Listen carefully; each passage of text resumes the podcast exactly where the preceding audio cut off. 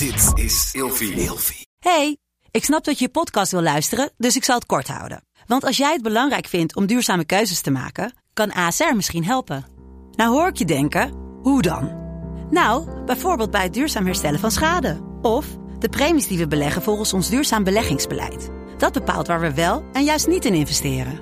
Wil je meer weten over welke duurzame keuzes ASR maakt? Ga dan naar asr.nl slash duurzame keuzes. ASR doet het. Zo, dan kan je nu lekker naar je podcast luisteren.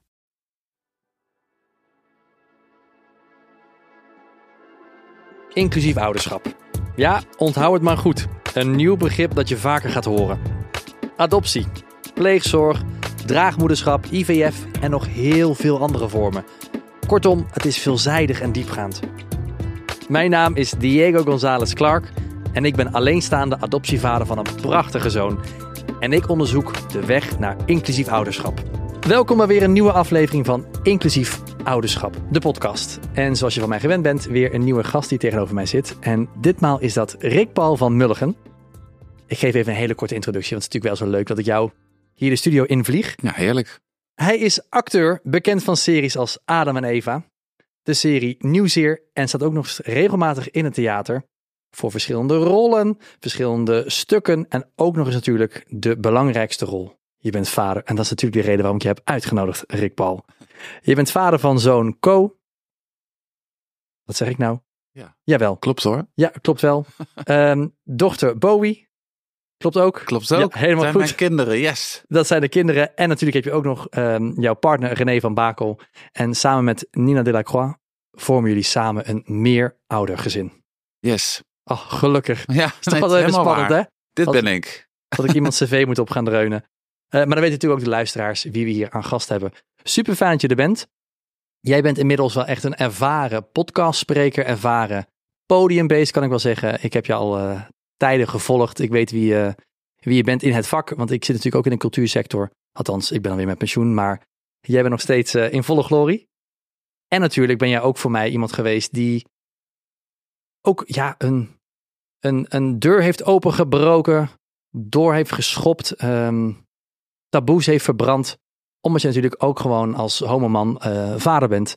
Ja. En waar ik vind dat daar nog te weinig eh, aandacht aan is besteed. En eh, daar is nu een meer gezicht aan gegeven. En jij bent een van die gezichten. Dus super fijn dat je er bent.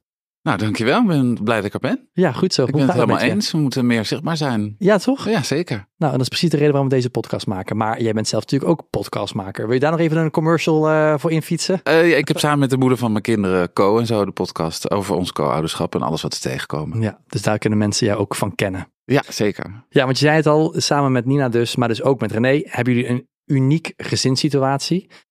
Hoe is die ooit überhaupt tot stand gekomen? Waar, waar zijn jullie begonnen? Ehm, bij überhaupt de kinderwens bedoel je dan? Of met elkaar? Eh, nee, zeker de kinderwens. Ik spreek zelf overigens van een, een ouderwens. Wat vind je van de term ouderwens? Oh, ehm, ja, dat vind ik wel wat anders. Want ik had wel meer een kinderwens. Oh ja? Oh, wat was jouw wens? Nou, ik had eh, dat ik gewoon nieuwsgierig was naar een, eh, een, een kindje opvoeden of naar een, een leven zien opgroeien. Dat was mijn eerste nieuwsgierigheid. En later pas dacht ik, oh jee, maar dat betekent wel dat ik ouder word. En een ja. verantwoordelijkheid heb. Dus als je zegt ouderwens, die kwam later pas bij mij. Oh, Oké, dus eigenlijk Ik eh, was het- benieuwder naar het kind dan naar mijn eigen vaderschap. hoe je dat zou invullen. Ja. Ja, Vind ik ook wel een, een goed inzicht. Tegelijkertijd denk ik dan wel weer van... ehm, is het niet verstandiger als we juist gaan kijken van... zijn we capabel genoeg als ouder om dus Zeker. het kind eh, die toekomst te bieden? maar het, het kind was er niet voordat ik nadacht over, oh, ik, ik ben nu ouder hoor. Dat was daarvoor allemaal gebeurd. Want het is natuurlijk geen makkelijk traject. Nee. als je het niet via de biologisch heteroseksuele construct gaat aanpakken. Ja. Eh, dus de kinderwens was er lang bij mijn man. Die wilde vanaf jongs af aan al graag vader worden. En ik helemaal niet. Oh joh. Nou ja, bij mij was het een beetje bij mijn coming out op mijn zeventiende dacht ik automatisch. Mijn moeder moest alleen huilen omdat ze geen kleinkinderen ging krijgen. Voor de rest vond ze het prima. Dit hoor je toch zo vaak, hè? Die huilende moeders die dan geen oma worden. Ja, terwijl, en ik dacht ook heel erg, ja, je hebt gelijk. Dat gaat dus nooit gebeuren. Want ja, ik, dat was een beetje zo. Toen, Je had je er gelijk bij neergelegd Ik eigenlijk. kende geen voorbeelden van Nee. homo mannen met kinderen. Dus ik dacht, dat, dat kan inderdaad niet. Nee. Dus die deur heb ik dichtgegooid en ook nooit meer open gedaan. Tot ik mijn man tegenkwam. Die zei, ja, maar natuurlijk word ik wel vader. En toen pas dacht ik, huh? Hoe dan? Vastberaden was die. Ja. En dat heeft een paar jaar heeft hij mij losgemasseerd voordat ik daar aan toe was. En toen zijn we gaan kijken naar wat kun je dan doen. Adopteren.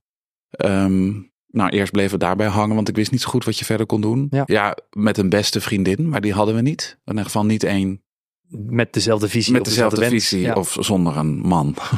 Ja. Want dat is dan ook vaak wat je nodig hebt. Ehm, en toen kwamen we meer dan gewenst tegen die organisatie Ja. die veel eh, ro- roze Gezinnen koppelt. Gezinnen of koppelt, ja.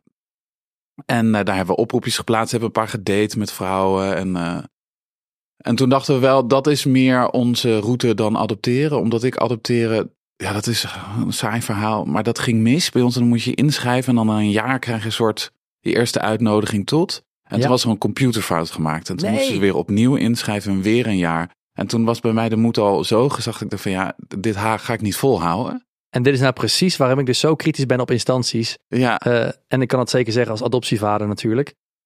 Er is zoveel wat mis kan gaan. Ja. En ehm, als ik dan dit nu dus hoor, dan denk ik ook, dit is zo precair. Want je, je praat over iemands ouderwens, ja, kinderwens. Ehm, en dat het dit dan zo een effect kan hebben. Ik kan het zo begrijpen dat jullie toen hebben gedacht, weet je wat, zak erin. Ja, want na een jaar, ik was er echt aan toe aan het leven. Oké, Ja. nu gaan we echt serieus praten. Nu gaan we, en dan moet je weer in op de pauzeknop. Ik dacht, ja, maar ik, Nee, kan niet. dat kan Dus jij, niet. jij introduceert het nu als een saai verhaal. Maar nee, ik vind het geen saai verhaal. Want nee, is- het is een verhaal, maar ik bedoel, het gaat nergens naartoe. Dus voor mij is het Ja. inmiddels afgesloten, klaar. ja, En de reden waarom ik nu blij ben, waar ik ben uitgekomen. prachtig gezin. Dus prima dat het zo is gegaan, maar het Ja. is natuurlijk niet prima dat het zo is gegaan. Zeker niet. Nee, dus adoptie viel af. En toen heb je natuurlijk die, die ehm, Ja, en, Die- dan, en dan komt het meer naar boven dat je misschien ouderschap gaat delen. Want als Ja. je het samen met een moeder gaat doen die in beeld is. En dat sprak mij heel erg aan, omdat ik gewoon. eh, dan dacht ik, vind het heel fijn als alle ouders er vanaf het begin af aan bij zijn en bij blijven. mhm. Vond ik een fijn concept. ja, mooi. En, ehm, en het leek me heerlijk om het ouderschap te delen. om ook een paar dagen vrij te zijn. Ja, had je al voorgenomen van als dat zou kunnen, dan heel graag. Ja, dat, toen, het, toen, het, toen ik het zag, en dacht ik wel van, oh, dat bestaat. Dat lijkt me Ja. fantastisch eigenlijk. Want dat is het concept van gescheiden ouders zonder ruzie. Ja, en Eh, ik wel een gezonde gedachte misschien. Ja, het lijkt me wel. eh, ja, het idee van dat je je leven voorbij is zodra je kinderen krijgt en je nergens meer tijd voor hebt. Dat sprak me in principe, vond ik een mindere kant van het ouderschapverhaal. Wat zeg je dat mooi. en nu dacht ik, oh, dat hoeft dan misschien niet. ja. En jullie drie Ja. dachten er allemaal hetzelfde over op die manier. Ja, ja, we hebben Nina via een eerste CD voor het eerst een speed date. En daar heeft René haar ontmoet. Ik kon toen niet, ik moest spelen, optreden die avond. Ja, toch lastig. Toch lastig. Maar goed, ze hadden een klik. Ik heb ontmoet en ik had Gelijk nog meer een klik. Ja, en, eh, en dat was heel leuk. Dat was voor het eerst gewoon een klik als mensen onder elkaar gewoon alleen maar lachen, lachen, lachen. Toen dachten we, dat is een goede basis. Ja. En toen hebben we een half jaar lang heel erg gedate. Bijna verliefd waren we. Vier, vijf keer in de week afspreken, uit Oh, eten, joh. op vakantie gaan samen, al overal over hebben. En na een half jaar dachten we al, ja, het voelt gewoon goed. We moeten het gewoon doen. En als ik het goed begrijp, had zij dus geen partner. Nee. Nee. En dus heeft zij ook gekozen om daar nog een, een groter deel in te nemen. Omdat, omdat ze zegt van nou, ik ben alleenstaande moeder in dit geval. Zeggen jullie eigenlijk moeder? Zeggen jullie, Ja, hoe noemen jullie elkaar? Nina. René. Oké, mooi. mooi. Nee hoor, we zeiden van tevoren altijd, we gaan elkaar nooit mama en papa noemen. Maar doen we inmiddels natuurlijk toch stiekem. Ja, toch wel? Oké, ja. Dat gaat toch even checken. Ja, nee, dat gebeurt toch wel. Maar, maar één op één noem ik haar gewoon Nina. Noem het niet hey mama. Hey mam, Dan wordt het een beetje vies, vind ik. ik snap het. Want ik kan me voorstellen dat jullie natuurlijk dan samen, jij en René, ehm, de twee papa's zijn een gezin zijn. En zij natuurlijk wel in haar huishouden als alleenstaande ouder staat. Ja. Ehm, dat is ook gelijk oké geweest? Of, of is er ook nog een vraag geweest van, hey, kun je, kun je me daarbij helpen? Dat jullie in haar huishouden nog iets bijdragen? Ehm, nee, maar wij zijn wel bij beide kinderen samen begonnen. Dus zij heeft vijf maanden bij ons gewoond. Ah. Na de geboorte van onze zoon en na de geboorte van onze dochter. Bij onze dochter was het ook wel gewoon lockdowns en corona. En was het ook alleen maar handig en fijn. Mhm. om samen een bubbel te zijn. Want anders heb je ook een groot probleem als je niet samen een bubbel bent. En ehm, dat is heel fijn geweest om dan zeg maar samen te beginnen. En dat zij daarin vrij was om helemaal moeder te zijn. Na een geboorte en niet hoeven te denken, ik moet nu opeens de helft van de week die Ja. baby die net uit me is gekomen daar hebben we altijd over gedacht, dat gaan we niet doen. Dat gaan we langzaam aan wennen. En dan binnen die maanden ging zij langzaam een uurtje weg. Twee uurtjes weg. Of s'nachts deden we dan wij een nacht, zij een nacht. En dan legden wij de baby wel bij haar. Maar de baby sliep dan bij ons. Zodat zij niet wakker werd van ieder kreuntje, ieder dingetje. En dan zo langzaam werken naar een half jaar. En dan stopte zij ook wel met de borstvoeding. Ja. Want anders dan blijf je toch automatisch natuurlijk ja, fysiek verbonden aan dat je bij het kind moet zijn. En dan, eh, ja, dan groeiden we er zo in. En dan, nee, dan zij doet uh, de helft van de week en wij. Wat een En wij doen wel een nachtje meer per week altijd. Omdat bij kleine kinderen wakker worden in je eentje is dat wel echt veel zwaarder. Mhm. Dus, wij, dus wij één nachtje meer pakken per week. dat zij. Heel mooi.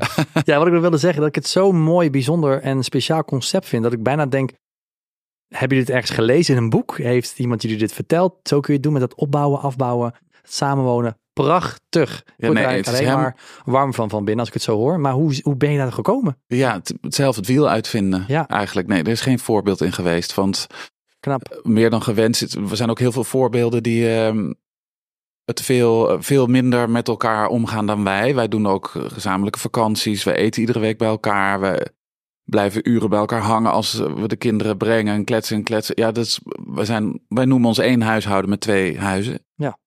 Maar er zijn natuurlijk ook heel veel gezinnen die dat niet hebben. Die veel meer een overdracht hebben, zoals ze het noemen. En, eh, en niet veel samen doen. Het is echt het leven in dat huis en het leven in dat huis. Dus wat dat betreft moet je je eigen wiel uitvinden. En dit is wat het beste bij ons past. Wij wilden niemand. Wij doen ook een maandelijkse APK. Over praten over alles wat we tegenkomen. Alles wat ons dwars zit. hey, jij zei vorige week dat. En toen voelde ik me heel erg aanvallen in mijn vaderschap. Dat soort dingen.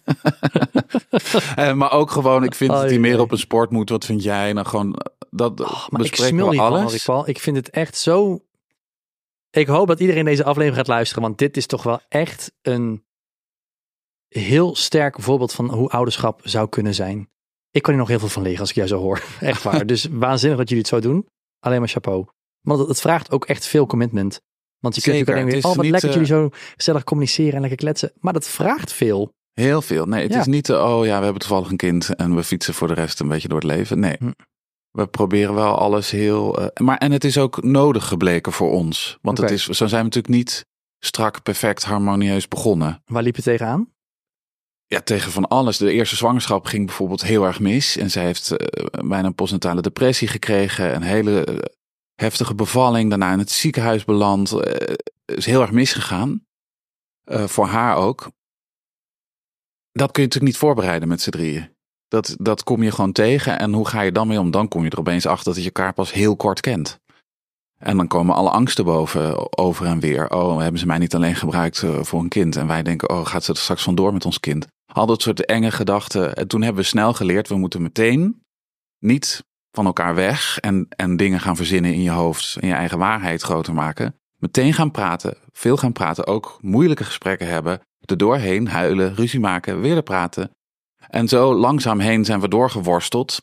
Met als basis altijd dat we heel goed met elkaar kunnen en elkaar leuk vinden. Dat is natuurlijk wel de basis. Goed begin. Ja, maar en gewoon heel erg voelen, we hebben kinderen, dus we kunnen niet van elkaar weg. Wat er ook gebeurt, wij zijn tot onze dood Verbonden. verbonden en familie. Van nou willen of niet. Ja. En dat willen we. Dus, eh, en de kinderen staan op nummer één. Dat was onze eh, beginafspraak boven ons afsprakenplan die we ooit hebben gemaakt. De nummer één. Wat er ook gebeurt, het belang van het kind is het allerbelangrijkst. Dus zet je ego opzij en Juist. praat.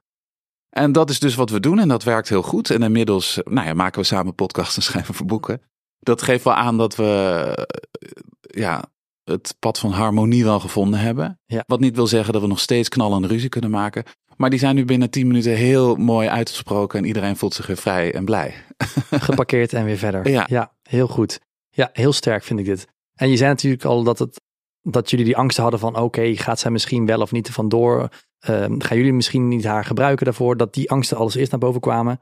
Ja, wat gewoon basisangsten zijn die Logisch, als je zeker. iemand niet goed kent opeens te- tegenkomen. Want het is helemaal niet gebaseerd op wie zij is. Op, Ja, maar dan merk je gewoon, ja, we kennen elkaar pas acht maanden of Ja. zo. En als je dan in een crisis komt samen, dan weet je helemaal niet. Ik weet niet hoe zij reageert op deze situatie Nee. of hoe ik zelf. En dan is de enige manier proberen te praten of achter te halen. Hé, hey, waarom doe je zo? Waar komt dat vandaan? Oh, nu begrijp ik je. Ja. Ik reageer omdat ik zo denk. Nou ja, en dan kom je ergens uit. Maar je kunt ook makkelijk natuurlijk in je eigen huis gaan zitten en denken: "Eh, waarom doet ze zo? Ik weet zeker dat het hierdoor komt. Ja, en dan gaat het vrij snel mis, denk ik. Dan ga je een eigen waarheid creëren die helemaal niet waar is. Ja. Ja. Gaat eh, angst regeren. Dat is nooit goed. Oh, mooie zin is dat. Hele mooie zin. Ja, want ik ben nou eigenlijk wel benieuwd naar, eh omdat je er zo over begon. Heb je dan eigenlijk al heel snel aan het begin gedacht, dan moeten we nu ook gelijk juridisch alles gaan vastleggen, mocht een van mijn angsten uitkomen? Ehm, nee, Dat heb je niet toen nog gedaan op papier gezet. nee, ik moet ook eerlijk bekennen dat wij juridisch gezien heel slecht bezig zijn. Nou, dat hebben we nog steeds niet allemaal heel goed geregeld. dat was de volgende vraag namelijk. Hoe Ja, zit dat? Maar goed, nee. daar komen we zo op. Nee, eh, wij zijn ook nog zeker niet perfect. Ehm, dus nee, dat hebben we zeker niet gedaan. Eh, maar dat komt ook wel vanuit mij gesproken. Alleen al, ik weiger te geloven dat het mis kan gaan. Wij pakken dat gewoon meteen aan. Dus je kunt mij ook niet de deur dichtgooien. Dan breek ik hem open. We gaan praten. ja, dat doe ik gewoon niet aan. maar zo is het ook nooit tussen ons geweest hoor. Ik bedoel dat het zo misging. Maar ik, ik geloof er gewoon niet in dat dat gaat gebeuren. Maar dat is niet een slimme houding. Eh, maar wel natuurlijk alles geregeld van. eh, ik heb meteen de kinderen erkend tijdens de zwangerschap en na de geboorte meteen eh, gezag aangevraagd. Dus dat is wel Ja. meteen geregeld. Ik heb wel altijd meteen ouderlijk gezag gehad. Maar mijn man heeft dat niet. Want in beide gevallen ben jij dus de biologische vader? Nee, Oké, maar wel de wettelijke. de wettelijke vader. Omdat wij ook hebben besloten dat wij nooit, wat er ook zou kunnen gebeuren, tussen ons de kinderen uit elkaar zouden kunnen halen. Wettelijk gezien. Dat de een van de va die vader is en de een van. Dus stel, wij worden ooit wel idioten die een vechtscheiding gaan doen. En opeens besluiten die kinderen moeten uit elkaar, dan kan dat niet. Nee. En dat vonden wij het belangrijkste. Wat goed. Hoe heb je dit dan zo bedacht? Hoe waar is dit vandaan gekomen? Het belang van het kind voorop. En, het belang van het kind is niet, ik moet bij mijn broer, die ik mijn hele leven heb gezien, weg. Nee, dat, dat begrijp ik. Maar eh, is het een jurist die jullie daarin adviseert? Want ik heb hier nooit over nagedacht. Dat stel dat mijn zoon nog een, een, een broer of een zus zou krijgen, dat dat ook vastgelegd Ja, kan dat worden. hebben we wel uit advies vanuit meer dan gewenst, geloof ik, gekregen. Dat het goed is dat je de kinderen, als je meerdere kinderen in een gezin, dat zij niet uit elkaar gehaald kunnen worden. Dat dat het beste is. En dat vonden wij logisch klinken en daar zijn we ook voor gegaan. Alleen biologisch zijn ze niet allebei van mij. En, eh, en in Nederland kun je dus niet meer dan twee wettelijke ouders hebben. Dus mijn man is dat niet. En dat zouden we eigenlijk, daar zijn ze al heel lang tegen aan te stoten, dat we dat natuurlijk bij een notaris moeten regelen. Dat hij de eerste voogd is en hij maar ja, dat is natuurlijk ook een geval. Dan moeten Nina en ik tegelijkertijd over, overlijden. En eh, ja, het zijn allemaal situaties dat je denkt, dat schrijf je voor je uit en dat je denkt, ja, Die scenario's ho- komen hopelijk niet voor. nee, Nee. dan moet er echt wel iets geks gebeuren. eh, Ja. En jullie zeiden ook dat jullie samen op vakantie gaan. Maar Ja. betekent dat dan ook dat, dat er alsnog wel een document mee moet? Eh, omdat niet, niet alle reizigers de voogd zijn. Dat is Ja. wel in mijn geval zo dat ik documenten moet schrijven als mijn kind de grens over zou gaan. eh, ja, met, maar dat moet Nina ook als ik de kinderen meeneem. Ook al ben Ook ik al wel wettelijk. Ja, want je moet dan toch Hè? toestemming van beide ouders hebben. Oké. Want de kinderen hebben niet mijn achternaam. Maar in het systeem staat wel dat Hmm. ik de vader. Ja, ik moet alles gewoon meenemen. En zij ook. Zij heeft een keer een vliegtuig gemist naar Engeland. Omdat ze met Nee. onze zoon naar Londen waren. Dat kon niet. Oh nee. Gingen ze mij bellen ook, de marechaussee. Zo van, hey, hier Kent u is- deze vrouw wel? Oh, Dan moet ik geen grapjes maken. Nee, wie is dat? klassieke grap. Nee, kan ik Nee. even niet. Nee. Oké, wat, wat ontzettend vervelend allereerst. Dat dan zoiets is voorgevallen in een, in een vakantiesituatie. Maar Ja, Dat betekent dus, even kijken, dus even voor mijn hoofd hè. Het wettelijk gezag, voogdij, ligt bij Nina en bij jou. Ja. Dan is daar het biologische aspect ook nog eens bij Nina, dat zij beide kinderen heeft gedragen. dus dan krijg je automatisch gezag als vrouw, als moeder eigenlijk. Precies, Daar hoef je ja. niks voor te doen. Nee, inderdaad. En terecht ook. Ze heeft hard gewerkt. ja, Ehm, maar hoe zit het dan met de, ja, hoe ga ik dat zeggen? Ja, de zaaddonor. Is, is, Ja, in principe is die niks van de baby. Je kunt dus tijdens de zwangerschap kan een, een man of een vrouw het kind erkennen. Ja. Dat hoeft niet een biologische ouder te zijn. Dat kan de buurman in principe ook doen. De moeder moet daar wel toestemming voor geven. hè? Laat dat duidelijk zijn. Ja. Maar erkennen betekent nog niet dat je gezag krijgt. Die moet je nog apart aanvragen nadat het kind geboren is. Moet de Ja. moeder ook toestemming voor geven. En als dat eenmaal gegeven is, dat zijn er twee eh, dus ingevuld. Ja. dan kan er niemand meer bij. That's it, voor nu. That's it. Voor nu. Nou, met onze komende huidige regering blijft het voorlopig ook wel zo. Want uh, wij waren daar heel erg voor bezig. Uh, mijn man heeft ook gespeecht op het lijsttrekkerdebat uh, met alle partijen om ervoor te zorgen dat ze daarvoor het regenboogakkoord voor zouden stemmen. Ja. Omdat wij bijvoorbeeld ook de situatie hebben gehad, onze dochter heeft op de intensive care gelegen en officieel mocht hij daar niet bij.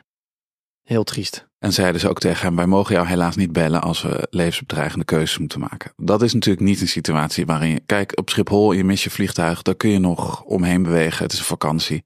Maar in een ziekenhuis wil je dat niet horen. Nee, absoluut. Dat je niet de echte vader bent. Heel pijnlijk. Dus uh, heeft hij daarvoor gespeecht en iedereen is akkoord. Maar alle partijen die akkoord zijn, zitten waarschijnlijk niet in de komende regering. Dus uh, ja, dat gaat nog wel even duren. Maar ja, dat want, is uh, niet in het belang van onze kinderen. Nee, zeer zeker niet. Zeer zeker niet. Want daar wou ik met jou over hebben. Dus, want ik ben wat nieuwsberichten op gaan zoeken. En toen was ik gewoon aan het graven, graven, graven. Want het is natuurlijk al een, een, een ding wat al jaren loopt. Hè? Wat je ook al zei, dat je ja. tegenaan stoten bent. Um, en toen vond ik een, een artikel wat beschreef van hey, meer oudergezin, het juridische meer ouderschap, zoals we daarover spreken. Dat dat eraan zit te komen. Dacht, oh, hey, dat is positief. Dus ik klik het aan en dacht, oh, kijk, dit is een artikel wat ik wil lezen, wat ik wil zien, want dit gaat de goede kant op. Uit 2016. En toen ja. dacht ik, oh, wat triest. Dus ik dacht over zijn, want ik heb iets gevonden wat dus aangeeft wat de situatie nu is. Nee, nee, dit, dus ze schreven toen, we zijn er bijna in 2016. Nou, moet je nagaan.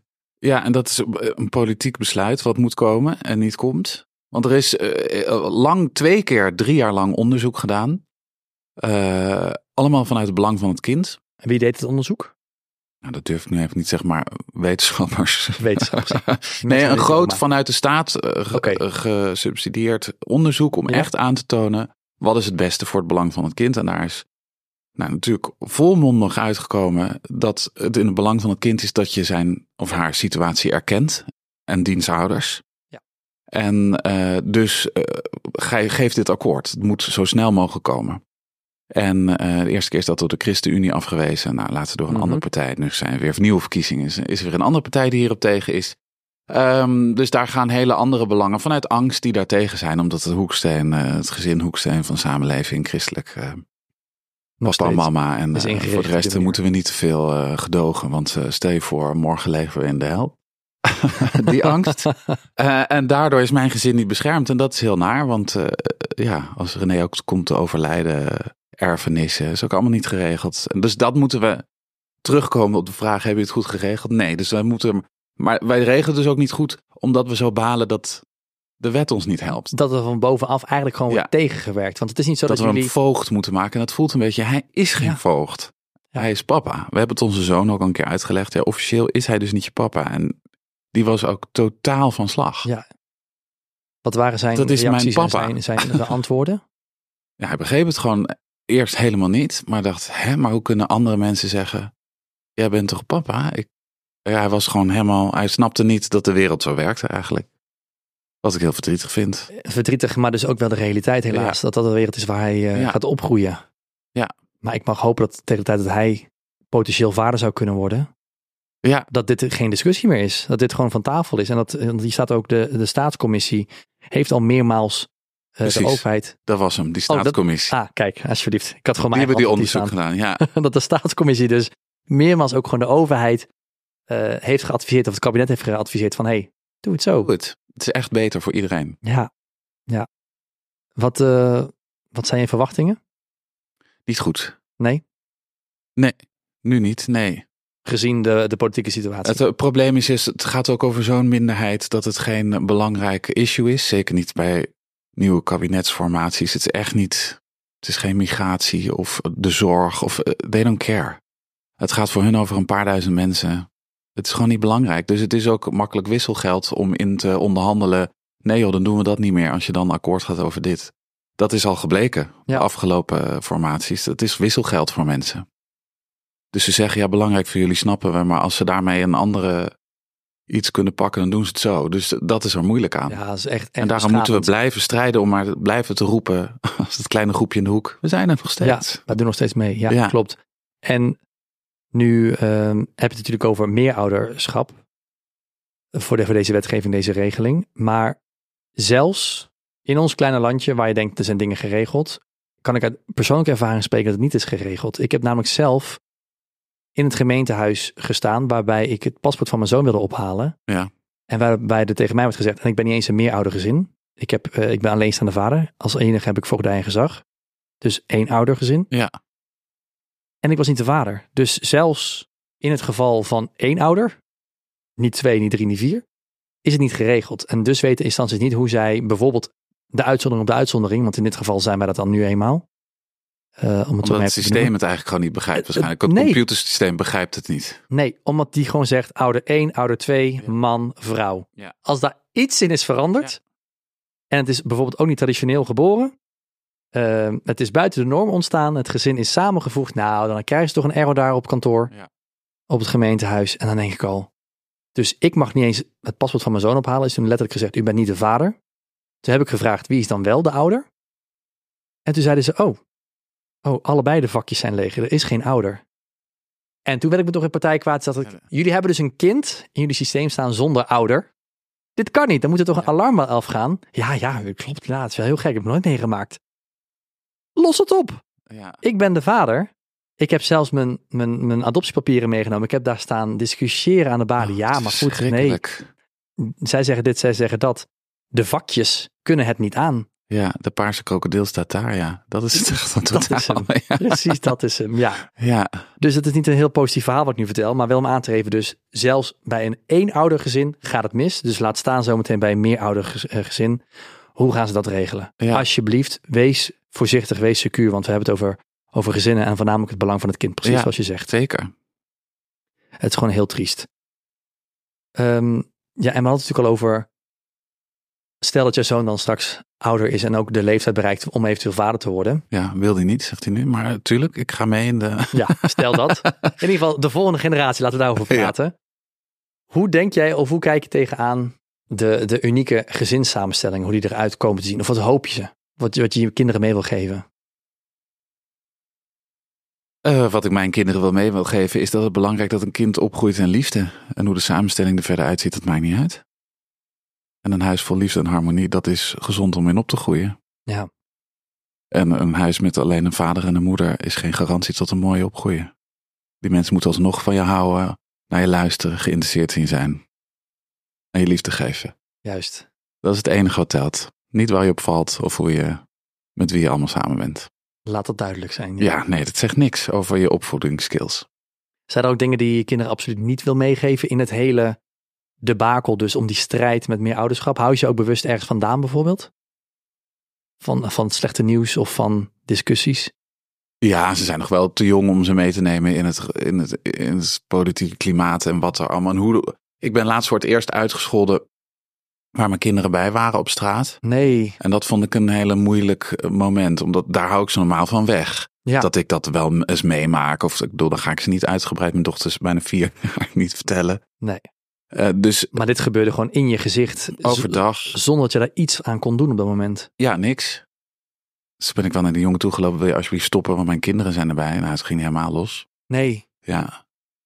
En, en mijn dochter had het niet echt door, maar mijn zoon was best wel een beetje van slag. Wa- waarschijnlijk wordt überhaupt iemand een agressieve houding of ja, een sowieso. vervelende überhaupt. houding heeft, los van wat hij zegt. Dat een vreemd iemand überhaupt begon te schelden, was hij helemaal van in Ja. de war. En, eh, En dan nog specifiek iets persoonlijks op jou maken. Dat Ja. is natuurlijk dan dubbel zo zwaar. ja. Dus dat vind ik heel naar. En, en, en ja, maar ja, ik kan dat ook niet voorkomen. Dus Dat is de wereld. Ja, Ja, dat is, eh, ja. de moed zakt in mijn schoenen. Want inderdaad, wat je zegt, normaal gesproken kies je er bewust voor om je kinderen daar vandaan te houden. Niet de zwaarte op te zoeken wellicht. Je hebt niet altijd alles in de hand. Nee, zeker niet. Eh, Nee, dat is heel lastig. Ik, ik, ik leer wel dat het enige wat je kan doen is eh, ehm, eh, kinderen kopiëren. Het goed voordoen is eigenlijk het enige wat je volgens mij goed kan doen in een opvoeding. En dat gaan ze kopiëren. En eh, dus ik denk niet dat zij iemand gaan uitschelden op straat. Ja, precies. Laten we daarvan uitgaan. Dat dat eh, Ja, blijft hangen in hun hoofd nu. Zijn er dingen die je, die je anders had gedaan, nu met alle kennis van, van, van nu, als meeroudergezin? Spreek je eigenlijk altijd zelf ook van meeroudergezin, bedenk ik me nu? Of noem je het zelf co-ouderschap, zoals je natuurlijk je, je podcast ook noemt? ja. Maar ik vind het prima, meer oude gezin. Ik, ik, ik, ik heb het meestal gewoon over ons gezin ook, moet ik Ja. zeggen. Niet zo, ik noem dat niet zo vaak. Want wat, wat vind jij van juist dat ik nu zelf ook in deze podcast het toch wel weer benoem apart, ook al valt alles onder ouderschap. Ik praat natuurlijk over inclusief ouderschap, oftewel Ja. alles buiten de norm. Terwijl precies terecht, terecht zeg jij ook, ja, het is het gezin. Het is ouderschap. Ja. Dus door het weer apart te benoemen, creëren we weer voor jezelf een hokje. En dat is natuurlijk het dilemma wat ik altijd met mezelf heb. Van ja, ik zet nu mezelf ook weer zo in een apart vakje. Ja, Want ik ben onderdeel van inclusief ouderschap. Terwijl ik doe gewoon ouderschap. Ik ben vader. Punt. ja, Maar om maar te komen voor, voor die acceptatie, de tolera toleratie, tolerantie, ehm, moet daar wel denk ik onderscheid gemaakt worden. Weten dat we er zijn. ik vind het ook niet erg hoor. Zeker als we het erover hebben, mensen moeten het ook begrijpen. En ik kan wel vinden, mijn gezin is mijn gewoon, dus het is gewoon. Dat is ook zo, maar ik zit er nu om erover te praten en mensen mogen het gewoon begrijpen. Dat vind ik helemaal niet erg. Ik vind alles gesprek en alles uitleggen prima als het vanuit interesse komt, de vraag, en niet vanuit sensatie. Ja, snap je, als iedereen meteen wil weten, oh, en hoe vaak moest je dan eh, insemineren? Nou, weet je, als het daar heel genoeg naartoe gaat, dan vind ik het niet zo'n interessant gesprek. Nee. Maar als het gewoon interesse is, hoe zit het dan? En ik ben benieuwd en ik wil ervan leren, ja, dan vind ik het prima om alles te benoemen. Dat is wel een hele goeie, dat je, het zo, dat je er zo in staat. Ja, want ik, ik merk wel dat jij vaak ehm, in de media verschijnt, ook in dit verhaal. Ja. En dat ik dus ook, wat ik aan het begin van, van de aflevering al zei, dat ik het zo fijn vind dat jij ook dus eigenlijk voor mij persoonlijk een van de gezichten bent die dus ehm, dat uitdraagt. Ja. En dat vind ik dan ook wel tegelijkertijd heel dapper. Aan de andere kant denk ik ook van, ik kan me ook zo voorstellen dat je je kwetsbaar opstelt en dat het dus ook, dat je een schietschijf gaat worden. Is dat zo voor jou? Nee. Oh. Nee, daar was ik ook bang voor, maar het valt heel erg mee. Maar ik zoek het ook niet op. Ik bedoel, we zijn ook wel eens eh, in het NOS verschenen en bij Jinek en tafel en al dat soort dingen. En als je dan op hun sites naar de comments gaat kijken, dat moet je niet doen. Ja, nooit comments lezen. Dus daar zijn we wel vrij snel mee gestopt. Dus Ja. in die zin ben ik wel een schietschijf. Maar ze zoeken mij niet persoonlijk op op mijn Insta of via mijn adres of weet ik veel. Tot voor kort. Oh? Nee, nee, nee, tot nu bedoel ik. Wie weet wat er gaat gebeuren. Nee, nee, nee. Niks. Ja, af en toe is er wel eens iemand, maar eh, ja, daarvoor doe ik het. Ja. Blijf maar schieten en op een duur heb je me zo vaak gezien dat je misschien toch moet concluderen dat ik geen eh, gek ben. daar komen ze dan vanzelf achter. Ja, of niet. En dan is de conclusie dat zij misschien de gek zijn. Want ik doe het om te laten zien eh, dat wij juist heel bewust in het ouderschap zijn gestapt. Liefdevol opvoeden en twee mooie mensen deze wereld inbrengen. Ja. Die niet haat, haatcomments onder andere mensen gaan schrijven, denk ik later. Dus wat dat betreft doen we het goed, denk ik. Ja. En hoe meer mensen dat zien, hoe beter. En er zullen altijd mensen haten. Ja, prima. Dat, dat glijdt van me af als... eh, Heb je dat moeten leren of was je altijd al zo sterk? En zo Nee, dat heb ik moeten leren. Maar inmiddels weet ik gewoon wat ik belangrijk vind in het leven. En dat zijn niet mensen die ik niet ken. Nee, ja, zo simpel is het. Mooie conclusie, ja. Ja, Ja, mee eens. Nou, ik ben tot slot ook wel heel erg benieuwd naar hoe jij dit allemaal organiseert. Want het is gewoon veel en ik vind het fantastisch. Maar je hebt ook gewoon een bruisende carrière. hoe, hoe zit die, eh, die combinatie en die verhouding? Eh, ja, dat is soms jong leren. Dat is ook wel het klassieke verhaal, toch? Alle ballen hoog houden in het ouderschap en een carrière. Dat is zeker aan de hand. Ja. En dat gaat de ene keer beter dan de andere. We zijn natuurlijk gelukkig met drie. Is dat Ouders. voelbaar en, en, en Nou merkbaar? ja, het zijn twee extra paar handen. Dus dat, dat is fijner. Wij kunnen het makkelijker verdelen. En omdat wij de helft van de week de kinderen hebben, zijn die dagen ook heiliger voor. Dan wil je ze ook graag zien. Ja. Ik ga dat. Wij proberen zoveel mogelijk dan te plannen op dagen. Vandaag heb ik de kinderen niet, dus zit ik hier. Fijn, goed dat je daar ook rekening mee houdt. Ja, dus dat proberen we heel erg te doen. Alleen heb ik natuurlijk ook heel erg. Mijn René kan dat heel goed plannen. In de dagen dat de kinderen niet zijn, dan vooral werken. Maar ik niet. Ik moet gewoon een tour doen of niet. Ja, dat is iets aan Ja, dan kan ik niet dagen zeggen, dan doe ik het wel, dan doe ik het niet. Nee. Dus ik eh, en Nina kan het ook goed regelen. Dus ik ben degene die het meest, wat dat betreft, heen en weer schiet. Maar dat eh, probeer ik zo goed mogelijk te doen. En ik, ik heb geleerd veel nee te zeggen. Heerlijk, wat goed van jou. Ach, Dus het is, het is een Ja. bruisende carrière, en, maar met mijn flinke grenzen eromheen. Dus ik doe niet maar aan dubbelen. Ik ga niet overdag werken en s'avonds toeren. Ik, ga niet, ik doe één ding tegelijk. En, en als ik het een, een maand druk heb, dan doe ik het alleen maar als ik weet dat ik daarna twee maanden bijvoorbeeld heel rustig heb. Zodat ik het kan inhalen. Oh ja. Omdat mijn kinderen wel heel erg zijn, je bent te veel weg, we missen je zo, je mag niet weg en zo. Nou, dan gaat het schuldgevoel weer lekker zo omhoog. Dat ik fijn vind als ik daarna een maand vrij ben. Of zo. Ja, even goed voor jezelf inplannen op die manier. Ja, Ja, heel goed. Ehm, is er iets dat jou heeft ver... Nou goed, natuurlijk heeft het je heel veel veranderd. Maar wat is het meest, het meest opvallende of het meest eh, dierbare voor jou wat jij heeft doen veranderen? Want je zegt het al eh, nee leren zeggen. Maar ik kan me voorstellen dat er nog heel veel andere dingen zijn die eh, je hebben doen veranderen. ja heel veel eigenlijk. Ehm, het besef eh, eh, wat ik belangrijk vind in het leven.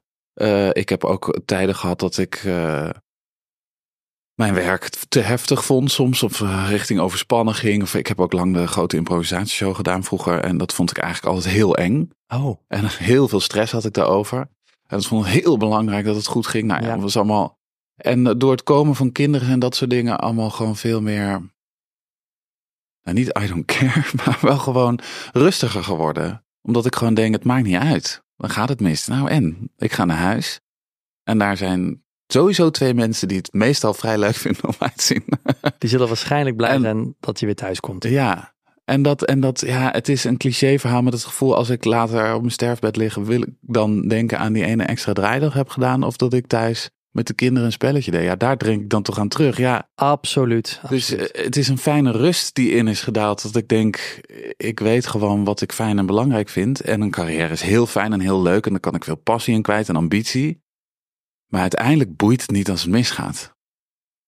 Want als het thuis maar goed gaat, en dat gaat het, en daar ben ik blij om. Dat is een enorm cadeau om die rust te ervaren. En de navelstaarderij een beetje weg te duwen. En eh, ja, en daardoor is er ook een soort zelfverzekerdheid binnen mijn werk gekomen. Dat ik heb kunnen zien, al die stress, ik kan dit gewoon wel goed. Ik moet wel hard werken, maar kan het wel. Ik heb wel talent. Dus daar geen zorg meer over, lekker naar huis. en dat is heel fijn. Nou, dat geeft zoveel rust en zoveel zelfliefde ook, denk ik. Kan ik me zo voorstellen. Ja. Dat je ook gewoon weet, het is goed zo. Ja, Fantastisch. Nou, ik kan er alleen maar eh, met heel veel eh, plezier naar luisteren naar je verhaal. Dus eh dank je wel daarvoor. Ehm, ik vind, nogmaals wat ik al zei, dat je echt een enorm voorbeeld bent. Voor mij, maar ook hopelijk voor vele anderen. Ehm, dus ga vooral door met je verhaal vertellen. Eh, deel het, deel het, deel het. Eh, ben sterk, maar vooral voor je kinderen, want dat doe je al. ehm, door gewoon te staan voor je normen en je waarden. Je bent waanzinnig. En dank je wel voor je, voor je tijd. ja dankjewel. Dankjewel voor het maken van deze podcast. En Heel we goed. gewoon lekker verder. Heel goed. Want ook voor de luisteraar, ehm, zoals je weet van mij, elke keer weer een nieuwe ervaringsdeskundige of een expert. Eh, met de verhalen die ertoe doen bij inclusief ouderschap. Dus luister vooral naar de volgende aflevering. Dankjewel.